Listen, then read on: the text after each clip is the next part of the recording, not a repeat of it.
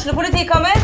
Ine Jansen er purk. Er du purk? The motherfucking bitch. Alt jeg vil, er å finne ut hva som skjedde med mannen min. Jon Carew. Er jeg sikta for noe? Iben Akeli. Det er du. Ole So, Lars Berrum og Big Daddy Karsten. Hvem sin side er du på, egentlig? Anette Hoff, Tone Danielsen, Kommer du fra Afrika? Jørnis Josef, Nesten. Kløfta. Trond Espen Seim, Det er synd å si det, men det var feil mann som døde. Purk. Premiere tirsdag på TV2 Play. Dyrisk desember med podkasten Villmarksliv. Hvorfor sparker elg fotball? Og hvor ligger hoggormen om vinteren? Og hva er grunnen til at bjørnebinna har seg med alle hannbjørnene i området? Svarene på dette og mye mer får du i podkasten Villmarkslivs julekalender Dyrisk desember, der du hører på podkast. Essas hockeypod blir gitt til deg i samarbeid med Ludvig Kamperhaug AS. Din asfaltentreprenør i Østre Viken, Nedre Glomma.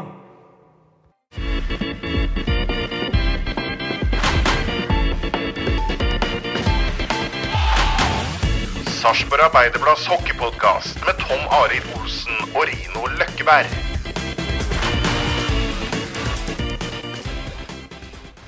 Da er det på tide å ønske velkommen til en ny utgave av SAS eh, hockeypod. Og eh, som vanlig, Rino og Tom Arild i studio. Og i dag så har vi eh, også en god, gammel hockeykjenning på besøk i, studio. Jonas eh, Holøs, hei på deg og velkommen. Hei sann, takk for det. Takk for det. Han sa mer enn det du sa, Løkberg. Du sa bare at han skulle si takk. Ja, og så er jeg vel bare gammel nå, vel? Er ikke det? Åssen er det, Jonas? Ja, nå begynner du å bli gammel. ass. Begynner begynner å dra seg på nå?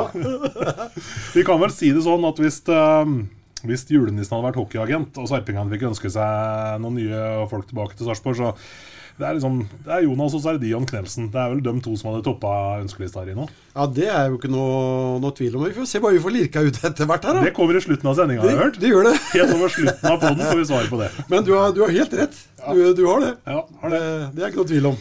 Før vi skal begynne å grave i eh, Jonas sine planer for uh, framtida og mimre litt om det som har eh, skjedd underveis, så skal vi se litt tilbake Rino, på de eh, to matchene som eh, er lagt i historiebøkene for Spartas del. Og det ble magert med poeng når vi gjør opp status.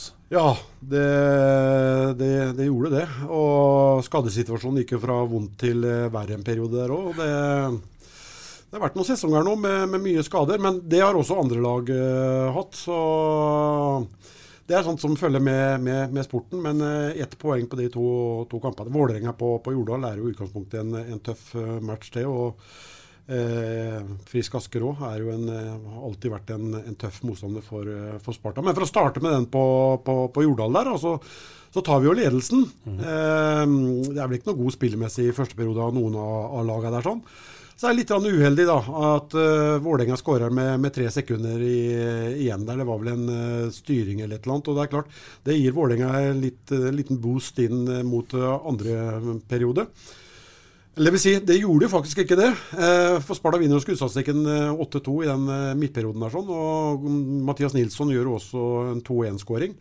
Men så kommer det igjen et litt sånn uheldig mål på et uheldig tidspunkt. da, eh, Bare et par minutter vel ut i, i tredje periode, så gjør Vålerenga 2-2 der. Og så, eh, og så er det jo litt sånn snøpelig baklengsmål vi får i den matchen her, da. Når du ser den i reprise, så er det jo en soleklar tripping eh, fra Partanen på, på Faggerud der, som gjør at han ramler bakover og inn i Jake. Så de ligger vel nesten på ryggen begge to, når Olim bare kan løfte opp pucken. Men den er dommerne unnskyldt også, for jeg la ikke merke til det sjøl før han kommentatoren sa det et på andre reprise, om ikke han var borti skøytene, så det var han. Men eh, den, den er ikke god, god å se også. Og så setter de med 4-2 da ved nevnte Partanen i åpen kasse. Men det var en bra gjennomført match av, av Sparta. Mange mener at det var en dårlig, dårlig match, men det, det var i grunnen ikke, ikke det mot stjernegalleriet til, til Vålerenga der. Og så det, det var like godt en match som kunne bikka den andre veien. men eh, Sånn er det. Det er marginer i idretten. og Noen ganger så har du det med deg, og andre ganger så har du det med mot deg. Det er, det er bare sånn det er. Det er noe som alle opplever. Og Frisk Aske-kampen, da. Det, endte jo med et, et, et surt uh, tap, det òg. Det var bra tempo, syns jeg, i, fra, fra starta der. sånn. Det var jo ikke noen velspilt uh, match. Det var mye kriging og mye jaging uh, under, underveis der. Og den 1-1-skåringen vår, den, den, satt jo langt, langt inne. Um, og så kommer jo da Men sett uh, Sjøl om Sparta vinner skuddstatistikken, så hadde Frisk de største mulighetene. Og hvis du ser kampen sånn under eller tre perioder, så var det ikke ufortjent at Frisk tok poenget. Men når det ble som det ble, så, så er det jo litt surt, da, med tanke på den utvisningen som Trym Østby fikk der. og mm. Jeg syns det er helt gale, Mathias, å, å ta utvisning på den. Jeg ser Ove Lytke gjentar det i, i, i dag. at uh, han mener at utvisningen er helt riktig, men det at han gjorde feil, det var at uh, de ikke tok uh, legacy for overspilling, altså for diving. da. Det er jo en liten trøst i, i, dag, men jeg påstår fortsatt at ikke det der er noe utvisning. og Jeg posta en sak på Facebook, òg. det er jo flere som, som, kan hockeyen sin der, sånn, som er helt enig i at det der er jo ingen verdens tingen. Jonas så det kanskje sjøl han nå, så vi kan høre med han etterpå. Men det, det, ble nå et tap, da. vi har vært som sagt tynne. Kjørte på tre forwards. Eh, fire ytterforward-par. Ah, det er jo ikke heldig, da. Det blir mye røring i gryta under, underveis. Jeg trodde vel kanskje eh, at Sjur i jaget på å få en utligning der, og kanskje seiersmål, hadde gått ned til tre rekker ja, da, uh, etter andre periode. for å sette tre rekker i de siste 20 minuttene. sånn, Men vi fortsatte å rullere rundt. Og På en måte så, så skjønner jeg det òg, i og med at vi er inne i en tøff periode nå. Det er mye skade, er mye halvskader, det er mye belastning. Eh, så det er viktig å kjøre på, på mange, og kanskje også holde mange i, i, gang. Så det der er jo Det er ikke så lett å, å stå i boksen og så, og så ta de avgjørelsene der eh, eh, sånn med en gang. Men jeg trodde at vi hadde gått ned til tre rekker før den tredje perioden. Men da kom vi opp til 1-1 uansett her, da. Jo. Så vi gjorde det. Men gjorde samtidig, Rino, så oss som har på en måte fulgt Sparta fra utsida gjennom uh, så vidt mange år, så er det vel Onde tunger vil vi gjerne ha det til at eh, akkurat sånne situasjoner er kanskje ikke sju sine sterkeste. Det å gjøre de der små eh, kneppa. Vet ikke, er du nei, men, om det? Nei, men en, ja, det, er, det, er, mange som mener det, da, men på en annen side så er det jo, det er jo dem som kjenner spillertroppen aller best, som har med dem å gjøre hver, hver eneste, eneste dag. da. Så eh, ja, ja. Du velger å stole på at han uh, gjorde rette valget i går? Ja, men ja. man må jo gjøre det. At man stoler på at de, ja. de gjør eh, det rette valget. Men jeg, så sagt, mm. jeg, hadde, jeg, hadde, trodd kanskje og forventa at vi hadde gått ned til tre, tre rekker der i går. Men, uh, men sånn er det. Vi, vi kom opp til 1-1 allikevel, og det, vi tapte i, i spilleforlengelsen. Og som sagt, ser du kampen under, under ett. Eh, Sjøl om vi vinner skuddstatistikken 29-22, tror jeg det er etter eh, tre ganger utenom Sudden, da. Så hadde Frisk de vasseste mm, sjansene der. sånn, Det er ikke noe, noe, tvil om det. Og Så kan vi jo spørre Jonas da om, om han syns Trym Ysbø skulle hatt en to minutter for interference på den episoden der. Nei, jeg syns den utvisninga er helt håpløs. Uh, det, er, nei, det har aldri vært utvisninger mens jeg har spilt, i hvert fall. Så, og at han ikke kan innrømme det i dag heller, syns jeg er litt, litt dårlig. Men vi ser forskjellig på saken. Ja, vi gjør det. Men beskriv, beskriv situasjonen, da. For, for dem som ikke har sett noe, som sitter og lurer nå. Hva er det vi snakker om her? Hva er, jeg mener at det er to spillere som ikke ser hverandre i det, i det hele tatt. Ja, og, og Trym gjør jo ikke noen bevegelse for å bevisst uh, stoppe legacy. Han oppsøker den ikke. Han oppsøker den ikke i det hele tatt. Og jeg trodde en interference da, da da, da, går du inn for, uh, med vilje, å, å, hindre en spiller fra å, å eventuelt nå en puck uh, mm. eller komme med fart gjennom midtsone eller inn i offensiv sone. Uh, dette er jo overhodet ikke noe, noe, bevisst handling. og for meg så syns jeg nesten det er Legacy som oppsøker Trym mer enn en motsatt. Og Trym prøver vel å gjøre skrumpe seg inn akkurat det han ser i, i øyekroken nå, tror jeg. Så. Nei, den er, den er, lei, den der. Men jeg ser jo um, mange har kommentert sånn både på det innlegget ditt og på andre innlegg at uh, man, man, henger seg opp i at ok, nå får vi fotballtendenser i hockeyen. Altså at du får mer skuespilleri og, og divingen. Har, har, du sett noe mer av det? Liksom, har, har, du sett den utviklingen? Nei, men vi, ha, vi, hadde en episode tidligere i kampen her òg med, med Morley. Og det var vel Jonas Meisingseth. Så ga han en liten touch i, i ryggen akkurat til mållinja. Ja og Morley tar ett skritt og, og, kaster seg inn i, i vantet. Og når jeg konfronterer da eh, dem som står dommerne nær, eh, som jeg sier at ja, OK, det er en to minutter for krysstakling, men skulle det vært en diving? Og når jeg da får til svar at hvis ikke han hadde kasta seg, så hadde han ikke hatt fortenner igjen. Eh, da begynner jeg å lure. Så da er om å gjøre å Får du deg en, inn i ryggen nær vantet, så kast deg alt du kan inn i vantet. For da har du i hvert fall du tenna. Jeg har sett hockey i 30 år, og hvor, hvor de klarer å få det fra, det er for meg en gåte. Jeg bør ikke si hvem som sa det, men jeg må jo si jeg blir litt oppgitt når jeg får en sånn forklaring. At da hadde han ikke hatt tenner igjen hvis ikke han hadde gjørs på å kaste seg inn i vantet. Så Og fallteknikk, da, altså. du må begynne å trene på fallteknikk. Men eh, det er jo Nei. Nei. Jeg, har sett samme episode fra, fra Sverige. Jeg så på svensk TV4 på noen hockeykveld og hadde noe, noe lignende. Og um, der var det jo to minutter diving ja. med en gang. Og det med studio var ikke, det var ikke så langt unna denne her. sånn. Ja, for, Så for, det oss, ja, for oss er det, Jonas, internasjonalt nå, liksom, i forhold til sånne situasjoner som Rino beskriver her? Liksom, altså, blir det tatt for diving, eller slipper Ja. han unna? Jeg syns ofte det blir tatt for diving. Det blir ofte tatt for en crosschecking og en diving i samme. Og så kan man diskutere det om det skal være crosschecking hvis han har diva. Men det er jo en crosschecking. Ja. Men jeg syns også divingen er soleklar. Eh, Så der tar de for begge deler. Eh, Men så går det fort ut på der, så jeg skjønner at dommerne kan misse innimellom. Men jeg mener at når de ser situasjonen etterpå, så må de kunne innrømme at eh, her er gjort feil, eller forklare hvordan de vurderer situasjonen på isen. Da, for eh, da får de litt mer respekt av spillerne til slutt. Da.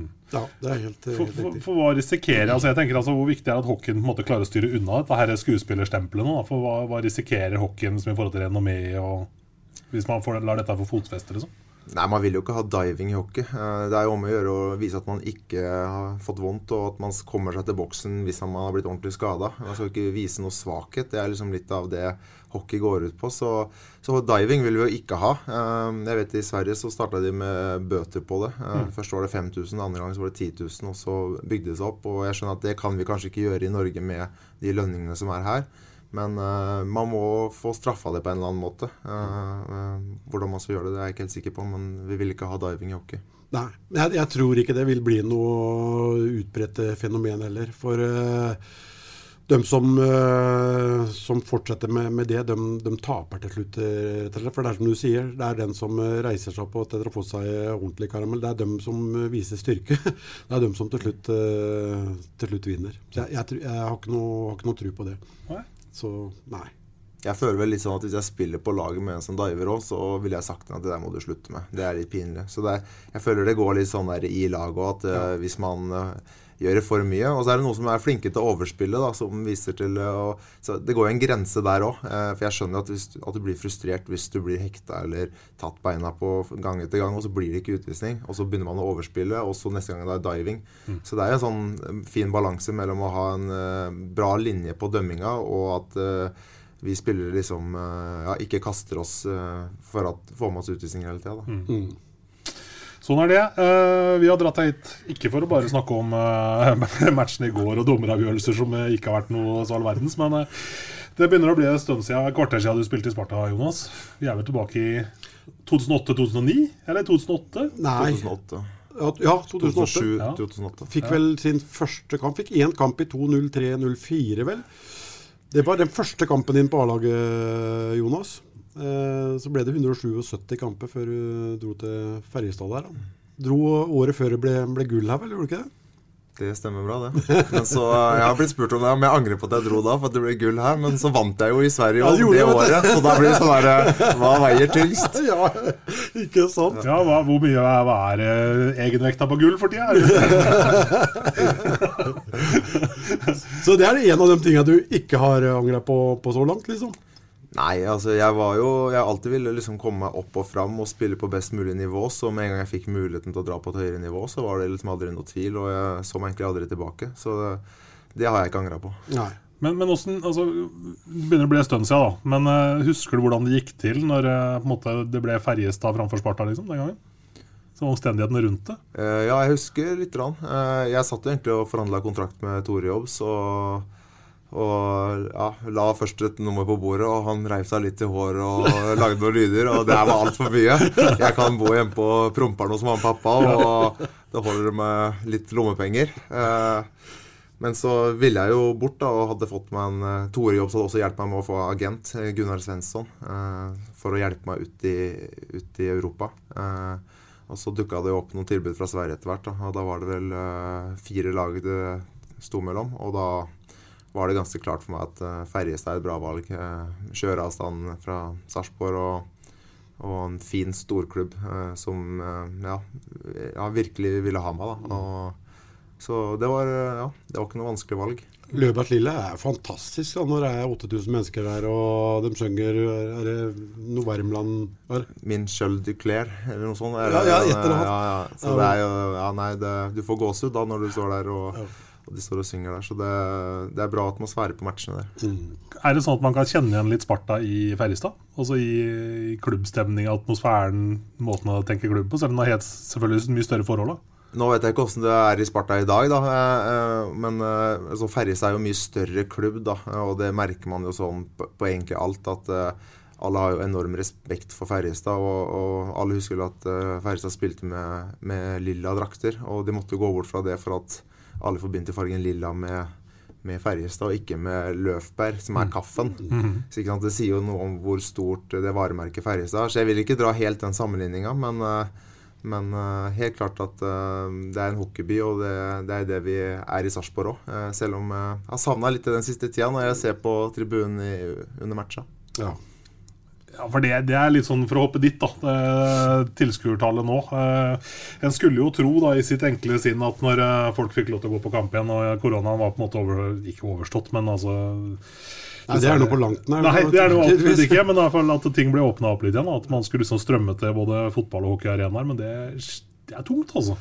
Ja, det er folk har endra vaner, som vi har vært inne på, på tidligere. Det er, noe, det er ikke noe tvil om det. Og det er jo litt synd, da. Eh, for skal vi ha et hockeylag her i byen, og skal vi prøve å få et, eh, et hockeylag som skal henge med de aller beste, så er vi jo det Publikum er jo den største bidragsyterne i så henseende. Så kommer ikke folk, så, så vil det jo det rett og slett få konsekvenser for neste år, det. For man kan jo ikke bruke penger man ikke, ikke har. Så det, det er litt synd. Um, så nå er man inne i en periode hvor man må rett og slett sette seg ned og evaluere litt. Hva må, må, nå må antakeligvis jobbes enda hardere enn noen gang for å prøve, prøve, å få folk tilbake igjen til, eh, til arenaene. Men nå vet jeg, nå har de, eh, de har hatt en del møtevirksomhet og prøvd å tenke ut uh, diverse ideer nå. Men uh, den sitter nok langt inne. Han gjør nok det. Så er det 129 kroner for sumo. Da kan du se samtlige hockeymatcher. Da er du kort vei til kaffen, du har kort vei til toaletten, det er godt og varmt. Ja, det er, det er mye å kjempe mot. Så um, hele Idretts-Norge har en uh, gedigen uh, jobb foran seg, foran seg, nå. Det er ikke noe tvil om det. Ja, for, for Jonas, nå har du vært ute og spilt i mange land. Uh, publikumsfasiliteter Arenaene er ofte kanskje større, og sånn, men er det, jeg tenker du at det er fasilitetene det kommer an på, som gjør at folk nå velger bort uh, hockeyen nå? Eller? Jeg lufta jo litt den der eh, på Twitter i går. Ja. Hvorfor er det ikke folk i Amfinn, og hva er det som skal til for å få folk til Amfinn? Eh, og da sier alle fasiliteter, og jeg kan være enig i at fasilitetene her ikke er topp, og at det er litt kaldt, og, og det er ting som mangler. Men så sier jeg til, tenker jeg tilbake til når jeg var i, i Friborg i Sveits. Mm. Eh, den tok 6008, tror jeg. Der var det Fasilitetene er tilnærmet like. Uh, bare litt større. Uh, og der var det fullt hver eneste match. Uh, for å få sesongkort så satt du på venteliste, og den, da var det noe stått der i 13 år.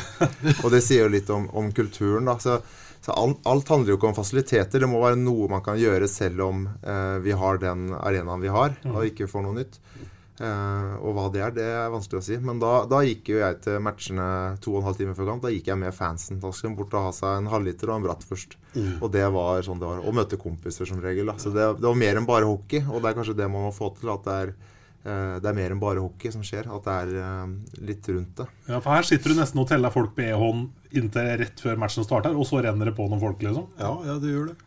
Men Mellom-Europa er jo det, er jo en fest. Eh, nå har ikke du fått spilt i, i, Tyskland, men du har vært der nede. Det er jo en, er jo en fest. Og du spiller jo ofte på fredagskvelder, og det er jo stinn brakker. Mm. Det, det, det, er en helt annen kultur, liksom. Eh, for eh, Dessverre så tror jeg ikke vi kommer, kommer dit. Jeg ser ikke det med det nærmeste. Men eh, det, det er som sagt det er en helt annen kultur. og eh, jeg vet ikke om det er at de mm, jobber litt mer med det. For de, det har jo ikke kommet av seg sjøl, antakeligvis det heller. Så, men det er noe som har vært der i mange år, selvsagt. Det er noe som har vært der i mange Ja, år, så ja. det, det kommer jo ikke av seg sjøl. Men de må jo gjøre, gjøre noe rett på veien, tenker jeg. Ja, det er og, de må jo kunne gå og lære noe av det. Eh, det. Så klarer ikke jeg å sette fingeren på akkurat hva, hva det er. Men eh, det blir litt for enkelt å bare skylde på at nei, vi har så dårlig arena, så vi får ikke folk hit. Da må man prøve å finne noe annet å Ja, det er, som ja, det er som jeg sa sist, vi kan i hvert fall ikke sitte og vente på en, eh, en ny arena, for det begynner å bli, bli, bli prekært. Det må, det må gjøres noe ganske, ganske kjapt, rett og slett. Det, det må det. Ja, og så kan vi ikke skylde på sportslig heller. for altså Resultatmessig i år så har det vel eh, gått eh, godkjent pluss. Så langt, iallfall. Ja, det, Det er jo et lag som fortjener publikum. Ja, det er jo det, og alle har jo skreket i alle år da, om uh, det er for litt uh, lokale gutter, og det er da fyller vi Amfin hvis det blir mye lokale gutter. Men det, det, vi kan ikke skylde på, på det heller, for det har aldri vært så mye lokale gutter, og det har aldri vært så bra resultater. Så det, liksom, det har ikke noe med, med, med det å, å gjøre. Det er, det, er, det er andre ting. Man må sette seg ned. Eh, jeg vet ikke eh, om det går an å sette seg ned litt i sammen ja, og så drøfte det. Jeg regner vel med at norsk topphockey kommer til å diskutere litt, eh, litt tiltak og hva som kan gjøres i, i tida framover. Men det er jo fors- forskjellige geografiske områder i, i landet òg, så det er sikkert litt forskjellig fra, fra sted til sted. Men at det må, må gjøres noe, og at vi må mane Sarpe-publikummet nå til å komme til Amfin, det, det, det, det må vi gjøre. Hvis ikke så er jeg redd vi får et skrantet lag neste sesong. Mm. Hvordan føles det å se det fra sidelinja, Jonas? At det er så glissent som det er i Amfinn nå? Nei, Det er jo litt trist, da. Eh, sånn som jeg husker det, så er jo liksom det er så fin atmosfære der når man spiller. Og det trenger ikke være veldig mye folk, men passerer du 2000, da er det fint å spille der. Eh, og man vil jo liksom se laget sitt eh, liksom vinne matcher og, og ha god økonomi så man kan drive sunt og legge penger på ja, ungdomsavdeling og det som trengs. da, Så det er liksom man, man blir jo litt trist, og så, så, så, er liksom, ja, så vet man ikke helt hva veien er. da, så man, man vil, jo, vil jo gjerne hjelpe, men det Ja. Men jeg har ikke noe, har ikke noe svar. Har ikke du noen fasit heller, nei? nei. Søren. Tenkte vi skulle få jobb i jul her. sånn er det. Eh, Jeg husker sånn fra tida da jeg jobba i radioen, Jonas, så hadde jeg deg i studio en gang. Da var det rett før du skulle til eh, Colorado. Det store eventyret. Eh, Da gleda du deg fælt, og jeg antar at det er en sånn sesong du ser tilbake på med brukbart gode minner. For å hoppe dit. Uh, ja, det var ikke bare gode minner. Det var, litt, det var mye opp og ned. Uh, man ble jo kasta rundt som en uh, ja, ja, en tennisball.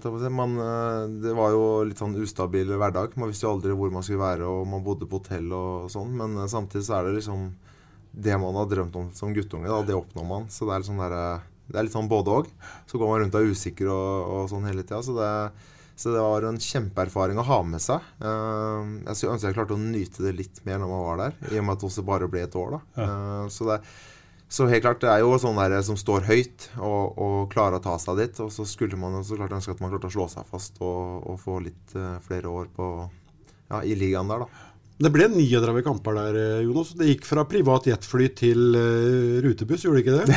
Når du kom til Cleveland, eller? eller? Ja, altså det var jo fra å sitte på ja, sånne business class-seter da, med eget uh, privatfly, og du følte deg som en sånn rockestjerne. Så, bare, ja, så tenker man på hvor man kommer fra, så blir man liksom neste- hva, er som, hva er det som skjer nå? Det gikk, det gikk jo ganske fort. Og så neste uke så er jeg nesten rutebussen. Og neste uke så satt jeg på en sånn Gatorade-kjøler i midtgangen og med dressen på. Jeg visste ikke hvor jeg var engang. Så det er, jo, det er jo dag og natt. Kontraster, ja. Det er kontraster. Og man kjenner, lærer seg jo ikke å kjenne noen heller, for jeg blir jo sendt opp og ned. Jeg tipper tippe en seks-sju ganger. Eh, Så bytta jo roommate hele tida, og, og liksom man blir liksom aldri trygg på noen. da Så man går jo bare rundt og føler seg liksom litt, litt ensom, nesten. da Eller sånn, Man må passe på seg sjæl, da.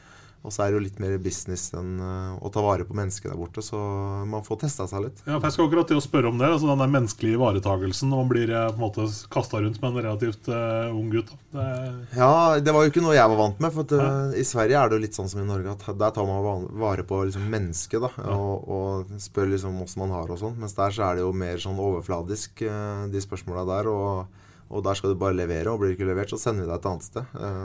Og så var man kanskje ikke kjempekomfortabel med å prate engelsk. uh, I hvert fall ikke for uh, liksom litt høyt foran flere heller. Så det ble sånn derre Man var, havna i veldig mye ukomfortable situasjoner hvor man hvor man liksom Ja, ja man hadde det ikke dritkult alltid, da. Mm. Men hva er det som gjør at man holder ut, da? Altså Som for din egen del, hva er det som gjør at ikke man bare pakker bagen og sier takk og hei? Nei, altså man har jo litt stolthet i det, da. Eh, og man vet jo at Og så blir det jo bedre og bedre hele tida. I starten så vet man ikke hva man går til, og så lærer man seg litt, og så, og så blir det bedre og bedre. Men så endte det jo opp med at jeg brøt kontrakta etter første året, da. Eh, og det var jo litt sånn at jeg ville spille i NHL. Jeg følte at jeg hadde bevist at jeg kunne spille der. Uh, og så sendte de meg ned med en gang. Uh, ja, uten noen grunn, følte jeg sjøl. Uh, men så er man jo litt sånn utålmodig og vil liksom ja, Jeg vil bare være der, og skal, skal ikke være der, så da, ja, da driter jeg i det, rett og slett. så, det, så det er jo Ja, man gjør noen sånne forhasta valg innimellom. Men, men det ble bra, det òg. Men når man blir sulten i Kleveland, eh, Jonas Oløs Hvem har du prata med da? Nei, så skal du ut på natta og ha mat, skal du ikke det? Da skal du, da, I hvert fall når man bor på sånt, uh, sånt hotell hvor de ikke serverer noe som helst. Ja, og da går vi på Mækkern. Og da skulle du gå på driven. Ja, det, drive det funka ikke. Nei, du veide ikke nok, eller? Ja, jeg vet ikke hva det var. Jeg tror ikke det var meg. Jeg tror det var en Vendis, skal jeg være helt ærlig. Og, og det kom jeg midt på natta, da ja, grisesulten. Og jeg hadde bare med meg den ene lille bagen fra For jeg hadde vært på roadtrip i, i Colorado, så ble jeg bare sendt til Cleveland. Jeg visste jo ikke hvor jeg var den der heller. Bare, bare satt på et hotell en halvtime utenfor byen og bare der er det noe mat, jeg, og den døra var jo ikke åpen, da, så da prøvde jeg å gå driven, men det, det gikk ikke. Så det man, Måtte legge deg sulten, da. Bestillingen la seg ikke inn, for den var ikke tung nok. Vi vant til å ha bil, jeg, vet du. Må ha tyngden på rampa for å få Stå og hoppa. Ja. Ble, fikk du mat? Nei. Nei. Du måtte legge deg sulten, da? Måtte legge meg sulten. Å, faen meg. Det er tøft. Nei jeg, nei, jeg bare leste i tidningen i, i Cleveland. Cleveland-tidningen.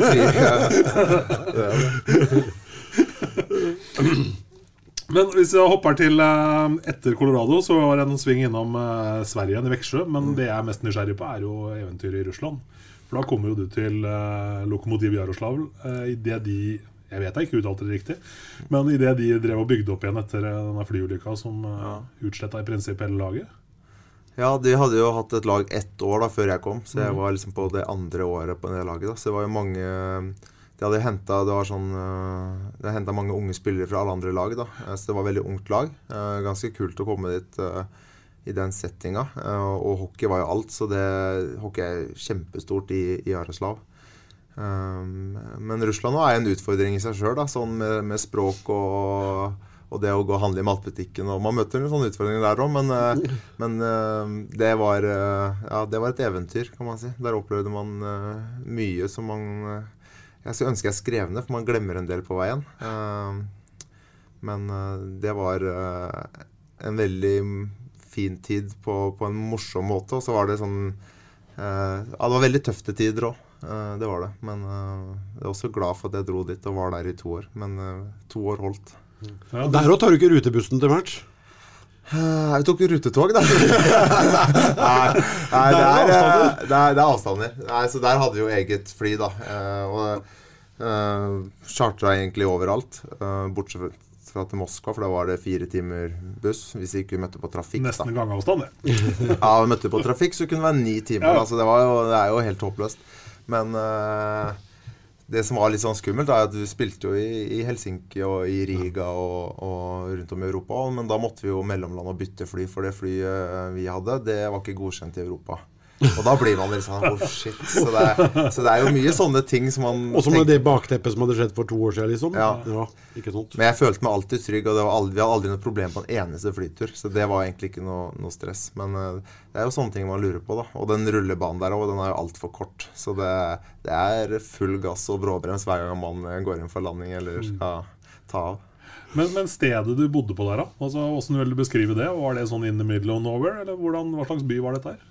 Nei, altså Jeg tror eh, det er en ålreit størrelseby. Det er vel 600 000 eller sånn som bor der, da. Men det er jo russisk, da. Mm. Det er slitent, og det er høl i veiene, og, og ja Du får ikke noe livsglede av å møte folk der, da, for de går rundt og ser sure ut. Mm, Men det er litt sånn som det er i Russland. Eh, Men de var veldig glad i hockey, og det var eh, Selv om du tapte eller vant, de kom på matcha eh, hele tida. Og, og, og det var så stort. Så når det første året der, når vi gjorde det veldig bra i sluttspillet, så, så var det jo sånn at folk eh, liksom behandla deg som gud, nesten. ikke sant? Det var jo bort, og Du fikk ikke lov å betale for maten. og så, men jo, hvor, klart vi skal betale for maten. Det liksom, men man merker jo hvor stort det er for dem. da, Og jeg tror det ble enda større i og med den ulykka. da, At de følte at de hadde mista alt. Ja. Og så kommer vi tilbake og prøver å, å bygge det opp igjen. og så... Så det, det betydde mye at vi i hvert fall gjorde det bra det ene året der i det sluttspillet. Mm. Men eh, dette er det menneskelige da i Russland kontra hvordan du hadde det i, eh, i eh, Colorado. liksom. Dette med å ta vare på mennesket Jonas Hole sine der. Nei, det er vel ikke så ivaretatt i, i Russland, det heller. Det det. Eh, men det, jeg forsto ikke så mye. Så jeg, jeg merka jo et par ganger hvor vi hadde vært dårlige og fikk mye kjeft av trenere og sånt, at eh, mange av russerne Du merker liksom energien i rommet blir dårlig, men jeg forsto ingenting av det som skjedde. Vi hadde en assistent som oversatte, og han bare Nei, jeg trenger ikke å vite det her. Så bare snudde seg og sa Nei, jeg trenger heller ikke å vite. Så, det, så det, sånn sett var det ganske ålreit å være der. Og så var jeg mye mer komfortabel i situasjonen. Jeg hadde vært eh, ute noen år og, og kjent litt på det. Og, og jeg hadde noen svensker der i, i Staffan Kronvall og ja, Ullstrøm var der, og, og, og Tørnberg. Så det var liksom, vi hadde noen svensker som, som vi ble ganske tighte, da. Og så var det Ja, så det var eh, ganske ålreit. eh, Stort sett ålreit. Dyrisk desember med podkasten Villmarksliv. Hvorfor sparker elg fotball? Og hvor ligger hoggormen om vinteren? Og hva er grunnen til at bjørnebinna har seg med alle hannbjørnene i området? Svarene på dette og mye mer får du i podkasten Villmarkslivs julekalender Dyrisk desember, der du hører på podkast.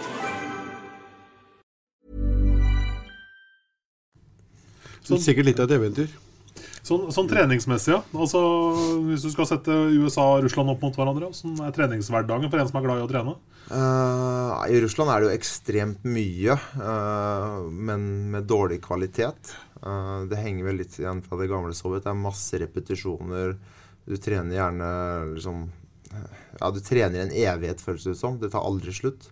Men intensiteten er dårlig, kvaliteten er dårlig. Du trener bare for å si at ja, men i dag har vi trent i seks timer, og så kan vi dra hjem. Og så gjør du det bare dag inn og dag ut. Og, og sånn, sånn fortsetter det. Men det virker som det er bare for at de skal ha noe å sende opp til han som styrer klubben. At vi har gjort jobben vår, så nå er det opp til spillerne. Sånn følte jeg litt at det var i Russland. Uh, I USA er det jo litt sånn Der er det jo bra trykk på treningen. Det er jo det, er jo det beste nivået i verden. Altså, det er jo det man forventer. Og, og, så der var det liksom top notch, allting. Uh, det, men det er jo det alle, alle har jo litt sånn mareritt om de der treningsleirene i Russland. For det, det pågår faktisk en evighet. Vi ja. husker vi dro opp, til i fjella i Sveits for å ligge på høydetrening. Vi skulle være der i tolv dager, og den ene fridagen skulle vi gå opp fjellet, og det var sånn 1800 høydemeter. Det er ikke fridag, altså.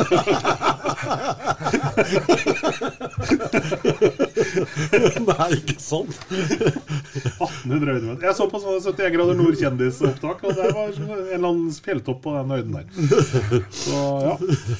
Yes. Og etter Russland så ble det Sverige igjen, var det ikke sånn? Jo. Du har, du har Ja, ja, det- Dra gjennom Ja, det ble Ferje, Ferjestad igjen, da, vet du. Det, det gjorde jo det. Det ble, fi, Ja. det ble fire sesonger der. Ja, det, jeg har satt, satt Ja, det ble fire sesonger der. Eh, Det var sånn jeg, jeg, had, jeg vurderte å være en i Russland. Det hadde ikke blitt Jaroslav, et annet lag, men eh, Og så var det litt eh, Hadde jeg noen skater som har sett meg bort i USA, da. Så det liksom lå litt sånn halvveis på. eh, Lå og frista litt. Men det Jeg fikk aldri noe tilbud derfra. Men det var mye prat i kulissene, da.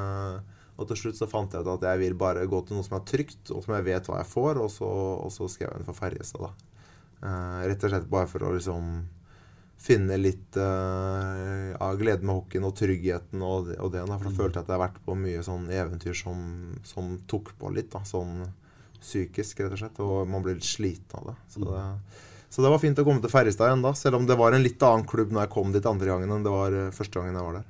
På hvilken måte det? Eh, første gang jeg kom dit, så var det jo mange gamle, store stjerner. eh, liksom Jørgen Jønsson og, mm. og Totto Rodin og Richard Wallin. og Liksom, det var så mange navn, da. Mm. Og der og da så visste jo Jeg visste jo hvem de var, men jeg hadde jo ikke den eh, Jeg skjønte jo ikke helt hvor store de var før man er i Karlstad. Og vi hadde et knallbra lag. Og liksom Vi kjørte over alt som var. Og ja, man skjønte jo hvor heldig man var der og da.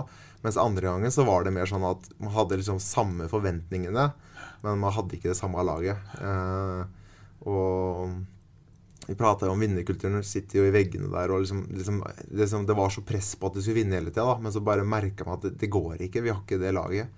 Eh, og det hadde, jeg tror de hadde brukt mye penger åra før for å prøve å vinne og sånn også. Og liksom reiser og sånn hadde blitt litt dårligere. Liksom, alt hadde gått et snepp ned, da. Men, eh, men eh, sånn er det jo Ferjestad. Der, der har du press på deg når du spiller. Ligger du på fjerdeplass, da har du krisemøter for at du ikke vinner nok matcher.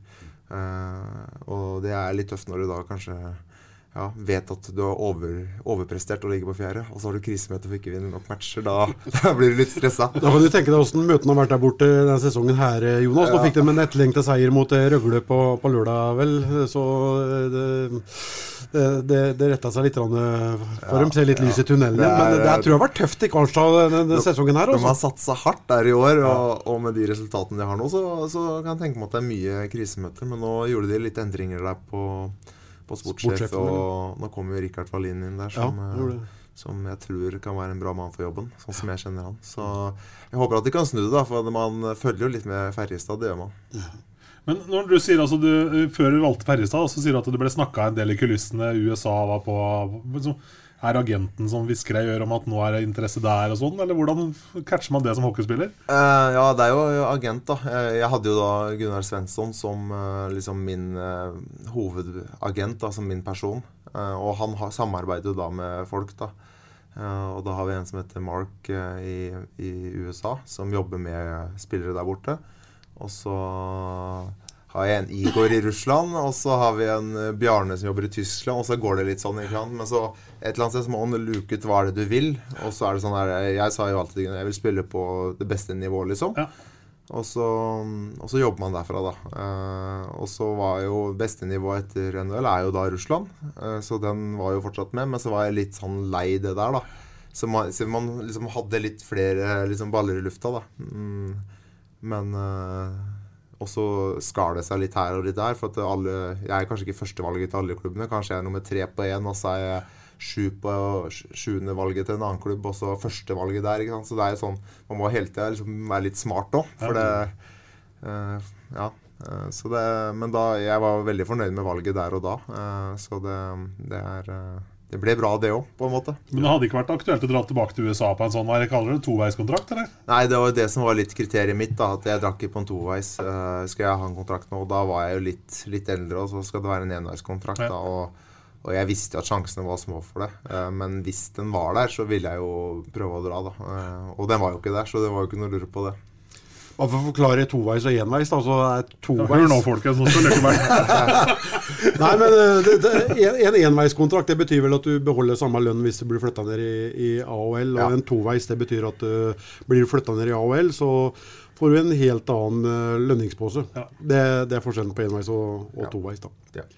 Så var det Freiburg, da. Eh, året Det var vel i 17-19 ble to sesonger der, eh, Jonas. Der har du allerede fortalt at eh, der var det fest og heter det, Glygen og knakkwurst. Eller gly...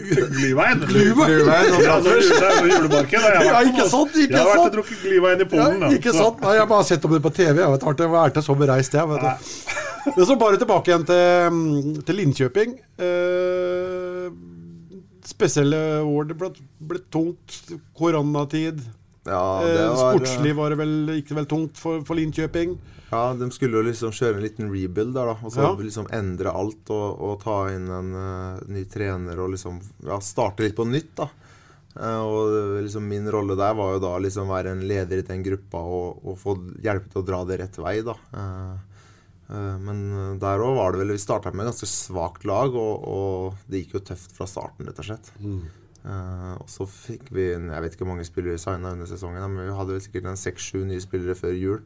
Og så gikk det jo bedre og bedre, og til slutt så løsna det litt på slutten. da. Eh, men uh, det handler, jo, det handler jo ikke bare om eh, Det handler jo litt om hvor bra lag man har òg. Det handler jo ikke bare om holdninger og sånt. Du må liksom ha lag nok til å, til å vinne matcher òg. Men eh, det, da var jeg helt sikker på at vi skulle spille kvalserie om å holde oss. Så tror jeg vi endte opp med å vinne ja, sju av de åtte siste kampene som redda oss. Vi lå desidert sist. Ja, ja. Så det der var eh, knalltøft. Eh, og så kom jo den koronaen mellom de to sesongene her, da. Ja. Og siste kampen det første året der, så spilte vi uten publikum. Og, man tenkte at det her er jo over på en feil, liksom. Det vi er publikum igjen neste år. Og det trodde jo klubben òg, så de la jo alt krutt på spillere over sommeren. Um, og det, det var bra spillere, men det kosta litt. Og vi starta sesongen uten publikum igjen. Så da var det jo begynner jo praten med lønnskutt og sånn. da Så er det sånn, Hvem er det som skal betale for nyspillerne? Er det oss gamle som har kontrakt, eller er det klubben? Liksom, det var en sånn der ting, samtidig som vi ikke presterte på isen. Og, og det samme, samme regla igjen, da. Ja. Eh, men det skal tas med at det var, eh, det var en fin, fin gjeng, og, og vi trivdes veldig bra i byen og alt sånt. Det var, det var et fint sted å være. og det ja, en bra opplevelse fra Linköping, men eh, sånn hockeymessig så var det, var det ganske Det var to tøffe år sportslig, altså. Ja, ja. Så ble det Kölner Haie, og hvis du prater om sportslig tung eh, periode, så er det vel nettopp det det ble starten på karrieren i Kölner Haie òg. Åssen går det med kneet ditt? Nei, det går bedre og bedre, da. Så nå er det tre måneder siden operasjonen i dag. Så eh, ja. De sier at jeg ligger, ligger bra an i forhold til eh, liksom, hvor, hvor man pleier å ligge med en sånn type skade. Så, men eh, jeg håper jo å kunne få spille igjen denne sesongen. Eh, men det vet man liksom ikke før. For det, det, man møter veggene et par steder, og så står det stille i to til tre uker, og så tar man store steg igjen. Så, så akkurat nå så skal, har jeg i hvert fall gått på skøyter én gang, og det føltes helt greit. Eh, men, men det, er, er, det, er, en stund igjen. Er, vi må nok regne i hvert fall en tre-fire måneder til før jeg kan trene for fullt. Mm. Så er, det, er progresjonen har den vært bedre enn først antatt, eh, eller bare så Nei, ja, ikke snakk om enda lengre tid, egentlig. Nei, altså progresjonen har vært veldig bra. Eh, prognosen er jo seks til åtte måneder. Ja. Eh, og så nå for eh, Så snakker vi nå at jeg kan rekke det før seks måneder, egentlig, hvis, jeg, hvis, det fortsetter som det gjør. Men så er det jo det at man vet jo aldri åssen et kne oppfører seg. Og så plutselig så hovner man opp, opp en dag, og så man, må man holde det rolig liksom en uke. da eh, Ikke øke noe belastning eller noen ting. Da, og da, da går tida fort når man liksom står stille. da Og det har jeg gjort nå i ja, to uker så har det stått helt stille, egentlig. Og da, da føler man at da løper tida fra deg. Mm. Så det, men uh, som sagt, liksom, målet mitt er jo bare å få spilt i år. Da. Så det, det har jeg sagt at hovedmålet liksom er å prøve å rekke VM. da. Mm. Og så er det jo litt det at man vet jo ikke hvilket nivå man holder når man ikke har spilt hockey på et år. Uh, så man skal ta en plass òg. Men etter det jeg har forstått, så er det Du snakker om å ta, ta, ta vare på spilleren. Etter det jeg har forstått, så er det veldig ryddige forhold og Ja, det er, det er orden og, og, og, reda. Ja, altså Måten de har håndtert skadesituasjonen på der, har vært utrolig bra. Eh, det skjedde jo oppvarminga til andre treningsmatchen jeg skulle spille. Eh, og det gikk ikke mer enn en time før jeg lå i MR-maskinen. og og så gikk det en halvtime, så hadde jeg svar på bildene. Og da var jeg hjemme hos doktor, liksom han eh, kirurgen, da, hjemme hos han, og han titta på det. Og bestilte en operasjonstid tre dager seinere. Operert to dager seinere hjemme i Norge. Og så har de sagt at jeg kan være hjemme åtte uker, og så må jeg ned på kontroll, og så hjem åtte uker igjen. Og, og de samarbeider da med Olympiatoppen om opptrening av kne. da. Mm. Eh, så det har vært helt topp. Og det er ikke noe press på at jeg skal komme tilbake før jeg er frisk, da. Mm. Så så måten jeg har håndtert det på, har vært helt uh, ja, over all forventning. Mm. Ja, For det hadde ikke vært helt det samme, kanskje, å ha sittet i Køllen og vært skada og helt på sin by i byen? Nei, uh, man kommer jo inn i laget der, men da havner man jo litt utafor laget når ja. man er skada. Så det er jo det er en kjedelig situasjon å være i. Uh, så jeg er veldig glad for at de, de liksom bare sa du, du får dra hjem og liksom tenke over ja, og ta gjøre opptreninga ordentlig, liksom, for da, da får du være hjemme. Eh, så Nei, jeg er glad for at eh, det var det det endte med. Ellers så tror jeg det hadde blitt tøft. Men du hadde vel også en ordentlig tørn med korona nå, Jonas? Hadde du ikke det? Jo, jeg hadde en Jeg fikk en bra smell. Eh, Ja. Det som var Jeg fikk jo ikke noe verre enn så mange andre, egentlig. Men jeg begynte å trene litt for tidlig, så den kom liksom to ganger. Ikke sant? Og så når vi da kom tilbake igjen, så Siden vi hadde en tøff sesong, da, så ville de ha meg på isen så fort som mulig igjen. Og ville ha meg på så mye istid så fort som mulig igjen. Så, det, så kroppen fikk jo mye juling over ganske liksom, lang periode, da. Eh, som gjorde at eh, man følte at det hengte i en stund, da. Så, men eh, eh, jeg føler at kroppen er i rute nå, i hvert fall. Så det, det er det viktigste. Ja, Men det har vært en uh, tøff tid. Ja, jeg tror være ja, det er hockeyspiller på å ikke få gjort det ordentlig. Sånn er det jo, da. Det, jeg tror det, det er mange som kjenner seg igjen i det. Men eh, man spiller ofte litt småsjuk og småskada store deler av sesongen. Og, og det tror jeg alle hockeyspillere kjenner seg igjen i, så det er ikke noe, noe nytt, egentlig. Men nå er du såpass rutinert. Det har kanskje vært verre om du har vært enda yngre òg. Men du har for så vidt vært forskåna fra de helt store skadesmellene, med tanke på den belastninga kroppen tross alt har fått opp gjennom åra? Ja, altså jeg har jo egentlig ikke gått gjennom noe skader Nei. i det hele tatt. Jeg, har hatt, eh, jeg hadde en ganske alvorlig lårhøne da jeg var 18 år, når jeg var i Sparta. eh, Som satte meg ut i noen måneder. eh, Som måtte opereres. Og så har det jo vært noe en hjernerystelse i USA, og så noen fingerbrudd og noen sånne sm- småtterier. Eh, ellers har det vært skader som jeg kunne spille med, og det har jeg vært eh, Der og da så er man ikke alltid så takknemlig for det, for man føler ikke man kan prestere på topp. Men eh, når man er ordentlig skada og satt ut, så skulle man heller ønske at det var en liten skade man kunne spille og ha litt vondt med. Så det er jo Man vil jo alltid ha det man ikke har. Er det ikke litt sånn, da? Jo. At, eh, men eh, ja, nei, jeg har vært utrolig heldig, og, og kroppen føles ganske fin. ja, hvis du tar bort det ene kneet, da. Ja, ja, ja. Nå skal vi straks eh, prøve å lirke ut av deg hva du tenker om uh, framtida. Men hvis du ser tilbake på karrieren din, eh, over 300 kamper internasjonalt, vel. 100, og- nesten 105 kamper i, i VM. Det er, det er jo og, eh, NHL, eh, Russland, Sveits og ikke minst tre svinger innom eh, SHL. da. Det er en fantastisk karriere. Eh, hvis du ser litt tilbake på, på tida di, er, er, det noe du ville gjort annerledes på, på veien? Hvis du kunne få mm, gjort noe? Altså, det, Hvis det jeg vet det da, så hadde jeg helt sikkert gjort noe annerledes. Men sånn tror jeg det er for alle i livet generelt.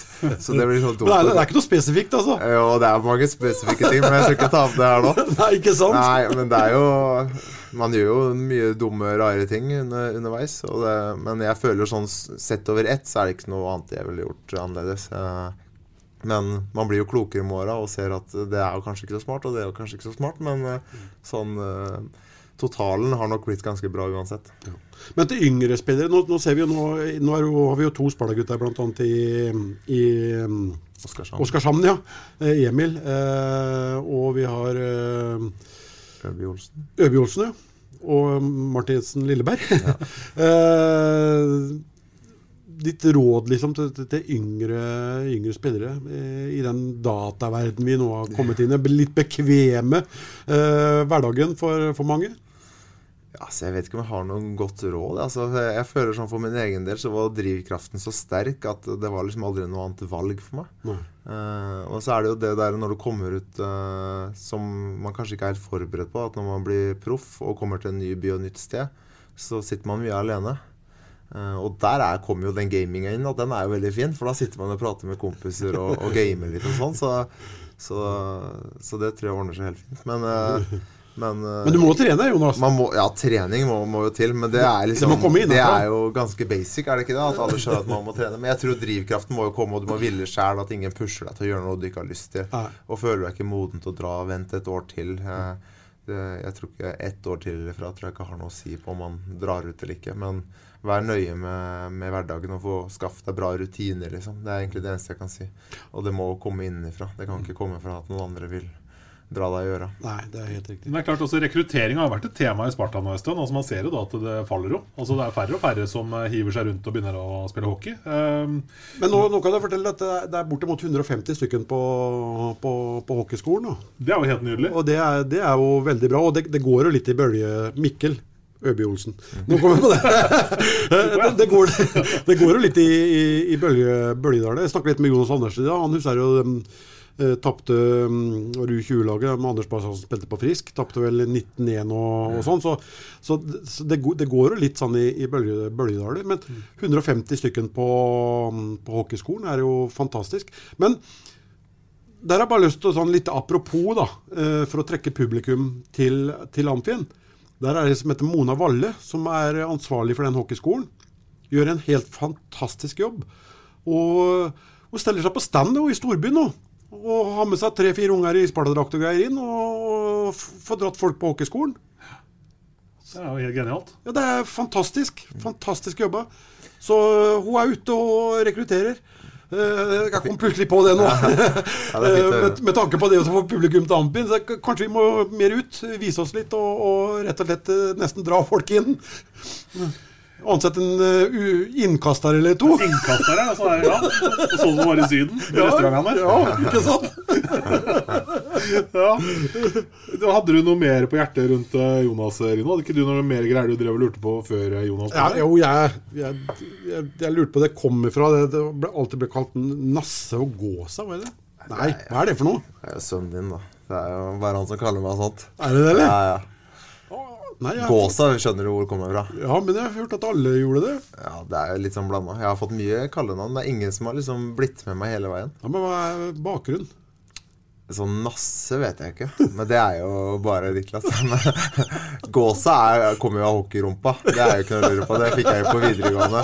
Der kommer gåsa. Korte hoftebøyer og ut med rumpa. Er, så den er vel standard. Men, eh, så det er jo Det har blitt noen kallenavn. Det er ingen som har liksom blitt med Blitt med videre. sånn Nasse, det hadde funka bra i Sverige òg. Liksom, litt sånn Ja, ja. nasse. Nasse. Nasse. Det, hadde Ja, det ble for lite brukt. ja, det gjorde det. Ja. ja, ok 10 000 kroner spørsmål, da. Skal, jeg, skal vi si det sånn? Blir det mer enn 3000 i Amfinn til lørdag mot Ringerike, så signer Jonas eh, toårsavtale. Er du med på det? Nei, jeg vet ikke. Det var, det var litt lite betinget. Jeg vet ikke hva betingelse på den kontrakten er. Så Det er som Tore Jomsø har sagt, du kan flytte hjem på gutterommet. Nei, men Har du tenkt noe på, på, på framtid? Du skal jo tilbake igjen til, til moderlandet og bosette deg her igjen, eh, Jonas? Det, det er planen. Noen mener at eh, det blir hovedstaden, og andre mener at det kan bli Ja, det kan bli Sarpsborg, liksom. Ja, altså, Hva er det som er sannheten? eh, Sannheten vet jeg ikke sjæl ennå. Eh, så det, det står mellom de to byene, det gjør det helt klart. Uh, og så er man sånn 50-50 på, på det. Men, eh, men eh, ja, man, ten, man tenker på framtida hele tida, og spesielt når man havner i den situasjonen jeg er i nå. eh, og, og det, min, det, er, det ligger liksom i meg da, at jeg vil spille på, på høyt nivå så lenge som mulig. Og jeg holder en dialog med, med klubben min, Køllen. da. Eh, og så skjønner jeg det at man ikke er så attraktiv kanskje når man har gått skada et år. Eh, så får man å se liksom hvor det der ender ut, og hvor, eh, hvor bra jeg blir i kne. For det, det eneste jeg vet, er at det blir ikke 100 Nei. Eh, så, så får man se der. Eh, så man tenker på det hele tida. Eh, og så får jeg jo mye spørsmål på, på, på Sparta, da, så klart. Og jeg skjønner at det er det du, du lusker etter her. men men ja, jeg, kjenner jo Sjur godt, og vi har en dialog, vi. Og jeg er helt ærlig med han hva jeg tenker om, om ting. Og så får vi ta det hvis det eventuelt blir noe, så får man, får man ta det da. Men eh, som sagt, jeg, jeg kan jo tenke meg kanskje å spille et år til ute. Ja, ja. ja, ja. Men du kunne tenkt deg å avslutte i, i moderklubben? Nei, Det er så vanskelig å svare på. Når man, man, jeg, Nei, men for å si jeg føler ikke jeg kan love, love noe. Nei, nei, for, nei det, er, det er litt skummelt. Eh, Love kan du, kan du ikke. Nei, jeg, jeg skjønner jo det at du kan, kan gjerne ta, eller kan kan ta Tenk fort, rødt eller blått. Nei, men jeg skjønner jo gjerne det at eh, du, vil, du vil sikkert helst avslutte i, i, i moderklubben, som har gjort, har gitt deg muligheten til å komme opp. Men så er det vel sikkert an, mange andre eh, elementer som kommer inn i bildet. For du, du har jo ikke gjort noe stort annet enn å spille hockey hele livet ditt. Jeg tenker på utdannelse. Eh, jeg tenker på kanskje det jeg først og fremst tenker på, kanskje eh, en sivil karriere etter, etter hockeyen. Og at det er sånne ting du vil eh, kanskje vektlegge. Eller kanskje det ville gjort sjøl, i hvert fall. Det, Ja, jo, det er jo litt det det handler om. da For jeg, jeg skjønner jo sjøl at det er ikke så mange år igjen, så man tenker på den tida etter hockeyen nå. Men hvis du tar det hockeybiten, altså, hadde det jo vært sykt kult å spille i Sparta. Og forhåpentligvis da med 3000 på tribunen og hatt et lag som er slagkraftig, som de har i dag. Eh, og, og kunne vært med å, å vinne her, hadde jo liksom vært eh, det optimale og liksom en drøm, da. Eh, og det hadde vært en liksom fin sånn eh, Ja, en siste ting man kanskje gjør i, i, før man legger skøytene på hylla òg. Så, så det, det er jo så klart noe man tenker på. Eh, og så Men så er det mange andre ting som spiller inn uh, imellom her. Og, og, og, jeg må, som sagt, først må jeg finne ut det som er viktigst, og det er at jeg blir Frisk. så bra som jeg kan i kne. Og så tar vi det andre deretter. For at, uh, det, jeg synes det er vanskelig å ta noe valg uten å vite liksom, hvor jeg står hen som hockeyspiller. Ja, ja. Mm. Ja, og så er det vel en bedre halvdel vel, Jonas, som skal ha et ord med i laget når den dagen kommer, som sikkert har ofra et og annet på veien her òg? Ja, nå har jo drassa hun rundt i ja, 13-14 år, da, så det er liksom Det er ikke bare jeg som bestemmer. Uh, så da er det vel hun som bestemmer i 13-14 år, så får vi se Altså. Nei, men det, vi har, Og da er det for sent når du bestemmer. Da, da, da, da har du lagt opp skøytene i Jonas. Det er old boys, da. Men ok. Men i hvert fall, altså, det å avslutte hjemme i Sarpsborg, det er mer forlokkende hvis altså, publikum i Sarp her nå viser at liksom, Sparta er et lag som på en måte man altså, vil noe med. Altså, man fyller Amfinn, man lager litt kultur igjen. Altså, jeg tenker liksom Ofre liv og helse for å avslutte foran 1100 mennesker på tribunen, det er kanskje ikke så Nei, det, det, lokker jo ikke så mye, det. Men, uh, men jeg, jeg, tror jo litt, selv om det kanskje ikke er sånn som det er i dag, at har du et lag som vinner hockeymatcher, uh, så kommer publikum før eller siden. Jeg bare føler at uh, det er litt rart at det ikke skjer nå, da, for nå har vi et uh, vinnende lag. Vi, vi, har mye lokale gutter. Og uh, i mine øyne har vi et lag som kriger hver kamp. I hvert fall alle de kampene jeg har sett, og det er nesten alle. og så har, man ha en dårlig dag, men innsatsen er der, og vilja er der. Og da skjønner jeg ikke at ikke det er flere, flere folk på matcha. Men det tror jeg kommer hvis det fortsetter over litt tid. Mm. Og så tror jeg det må bli litt mer brød og sirkus. Brød og sirkus igjen. Mer brød og sirkus? Mer brød og sirkus igjen. Det må Nei, ja. ja. Jeg, jeg, jeg, tror det. Ja. Vi lova oss sjøl Rino, at vi skulle prøve å begrense tida vår. Eh, vi nærmer oss timen igjen, vi. Nei, såpass, ja. ja vi, så, så, to ord eh, sånn inn mot Ringerike-matchen på lørdag, kanskje? Sånn ja. Nå var jo, har guttene hatt fri i dag, da. Jeg fikk ikke vært på trening i dag og se om det er noen til, eh, tilbake igjen. Men jeg så jo Håvard eh, Salsten på mandag. Og mm, han prata worst case 14 eh, dager, eh, kanskje til lørdag. Men jeg så han gikk, gikk Eller jeg kan ikke kalle det å gå. Det, det, kan jeg ikke gjøre. Sånn som en sånn gås, var det? Nei, men det så jo ikke bra ut. Det, jeg, mannen, gi mannen noen krykker, tenkte jeg. For han klarte nesten ikke å gå på benet i det hele tatt. Så at eh, det kan gå så fort. Men det, det kan det vel kanskje gjøre. Det medisinske vet jo mer om, eh, om det. En Håvard Salsten som har vært i, i, god form den senere tida. Og Han hadde vel noe tilsvarende skade i fjor, og da fikk han også sånn worst case 14 dager. Da gikk det fire måneder, fortalte han meg. Så, så, vi får håpe at det ikke er så alvorlig. Eh, Tekuli er vel forhåpentligvis tilbake fra, fra, fra sykdom. Eh, og så er det de andre som har langtidsskader der, da. Men eh, man må spille med det man eh, har. Det får ikke gjort noe mer enn eh, det. Må gjøre det best mulig ut av det. Og jeg syns eh, de gjorde det bra mot Frisk i går òg. Altså, Sjøl skadeskutte. Ringerike, et lag som er godt organiserte og mye spisskompetanse. Det er et helt annet Ringerike-lag enn det som var oppe sist, i hvert fall. Uh, som vi har vært inne på tidligere, De har hatt uh, bra kontinuitet her da, med Martin Borch, som går på, på, inne på sin tiende sesong der. og De har hatt kontinuitet i, i spillestallen. Og de har jo noen spisser på det laget der òg. De har jo en Dennis Rytter, som er en av ligaens uh, bedre backer, syns nå, nå, jeg. da. Mm. Og så har vel en, en Rimjans som skårer i, i ny og ne der. sånn. En som faktisk starta karrieren sin i Kråkene, hvis ikke jeg husker helt feil. Eh, det tror jeg han gjorde. Eh, kom fra Latvia eller Estland eh, til, til Kråkene. Og svensken er Roslin, eh, som skårer veldig mye mål der. Det, det, det, er det keeper der også som er relativt husa? Ja, han har jo en del SHL-kamper bak seg. Han var, var vel i Linköping og tror jeg. Var innom der en sving om, men det var sikkert ikke når Jonas var der. Petterson. Det var han sikkert ikke. Uh, så ja da, de har, de har, et bra lag. Og det er et uh, godt organisert uh, lag. Og de er giftige framover. De har jo han Papalardo Gulbrandsen som um, gikk fra Lørenskog til Skellefteå og lykkes ikke noe særlig der oppe. Han dro dit bort ganske, ganske ung. Ble lånt ut til Narvik i fjor. Gikk over på en permanent overgang til um, Ringerike i år. Og det er jo en, eh, rett og slett en sniper. Eh, liten av vekst, men eh, Det er en smarting. Nei, de har et komplett bra lag, fire rekker.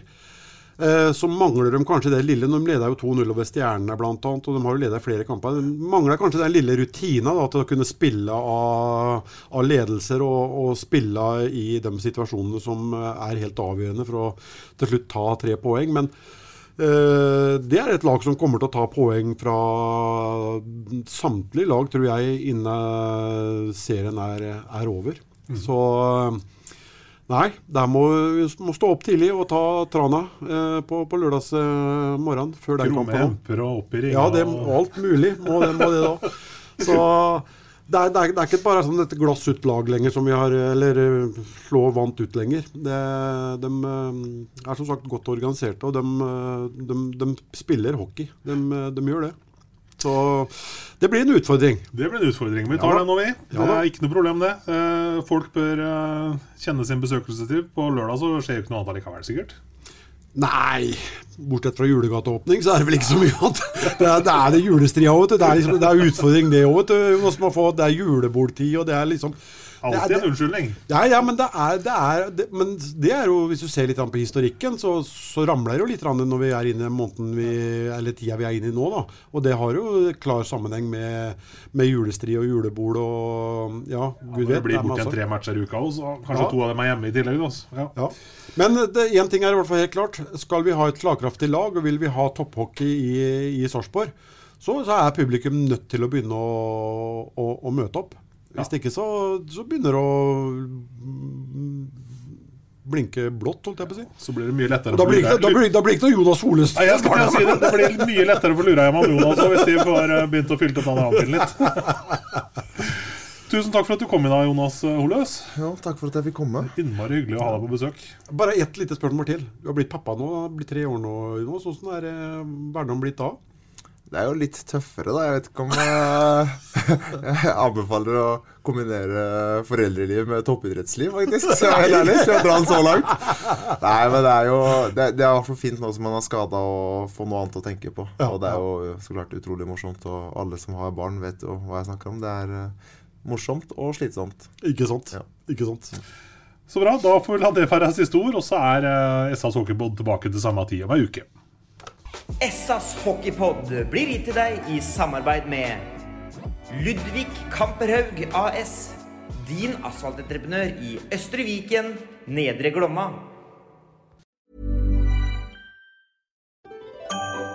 Dyrisk desember med podkasten Villmarksliv. Hvorfor sparker elg fotball? Og hvor ligger hoggormen om vinteren? Og hva er grunnen til at bjørnebinna har seg med alle hannbjørnene i området? Svarene på dette og mye mer får du i podkasten Villmarkslivs julekalender dyrisk desember, der du hører på podkast. Ukens annonsør er HelloFresh. HelloFresh er verdens ledende matkasseleverandør og kan være redningen i en travel hverdag. Mange av oss har nok vandret i butikken både sultne og uten en plan for middagen, som ender med at vi går for de samme kjedelige rettene gang på gang.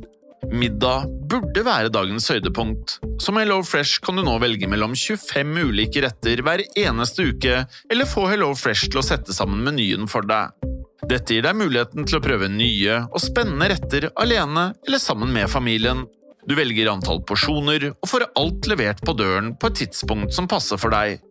Oppskriftene er enkle, og maten er lett å lage både for store og for små. Ved å få alt levert hjem får du også mer tid til å dele matgleden med familie og venner. Kanskje det frister med asiatiske tacos eller greskinspirert kylling? Da kan jeg anbefale deg om å gå inn på hellofresh.no. Her kan du bruke koden FOTBALL og få opptil 1779 kroner i rabatt på de første fem matkastene hvis du ikke har prøvd HelloFresh tidligere. Du kan også bruke rabatten hvis du har vært kunde og stoppet abonnementet ditt for tolv måneder siden eller lengre. Gå inn på hellofresh.no og bruk koden FOTBALL. Har du et enkeltpersonforetak eller en liten bedrift? Da er du sikkert lei av å høre meg snakke om hvor enkelt det er med kvitteringer og bilag i fiken, så vi eh, gir oss her, vi. Fordi vi liker enkelt. Fiken superenkelt regnskap.